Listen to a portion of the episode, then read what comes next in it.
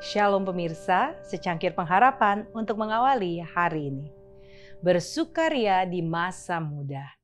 Bersukarialah hai pemuda dalam kemudaanmu. Biarlah hatimu bersuka pada masa mudamu dan turutilah kehendak hatimu dan pandanglah matamu. Tetapi ketahuilah bahwa karena segala hal ini Allah akan membawa engkau ke pengadilan.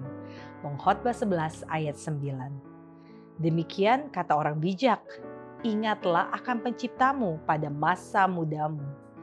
Janganlah sejenak pun menganggap bahwa agama membuat Anda sedih dan murung dan akan menghambat jalan untuk keberhasilan.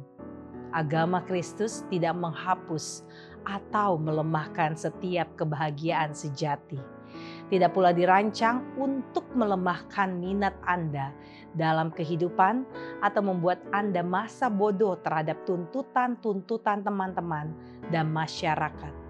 Agama Kristus tidak membungkus hidup dengan pakaian kabung. Tidak pula dinyatakan dengan keluh kesah dan tangisan. Sekali-kali tidak. Mereka yang menempatkan Allah yang pertama dan terakhir serta terbaik dalam segala hal adalah orang yang paling bahagia di dunia. Senyuman dan sukacita tidak lepas dari wajah mereka. Agama tidak membuat penganutnya kasar dan biadab, tidak rapi dan tidak santun.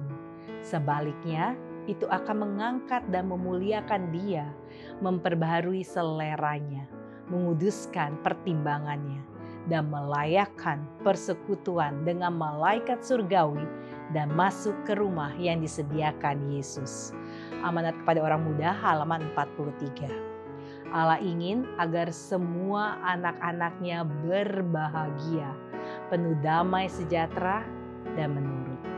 Yesus berkata, damai sejahtera kutinggalkan bagimu, damai sejahtera ku berikan kepadamu dan apa yang kuberikan tidak seperti yang diberikan oleh dunia kepadamu.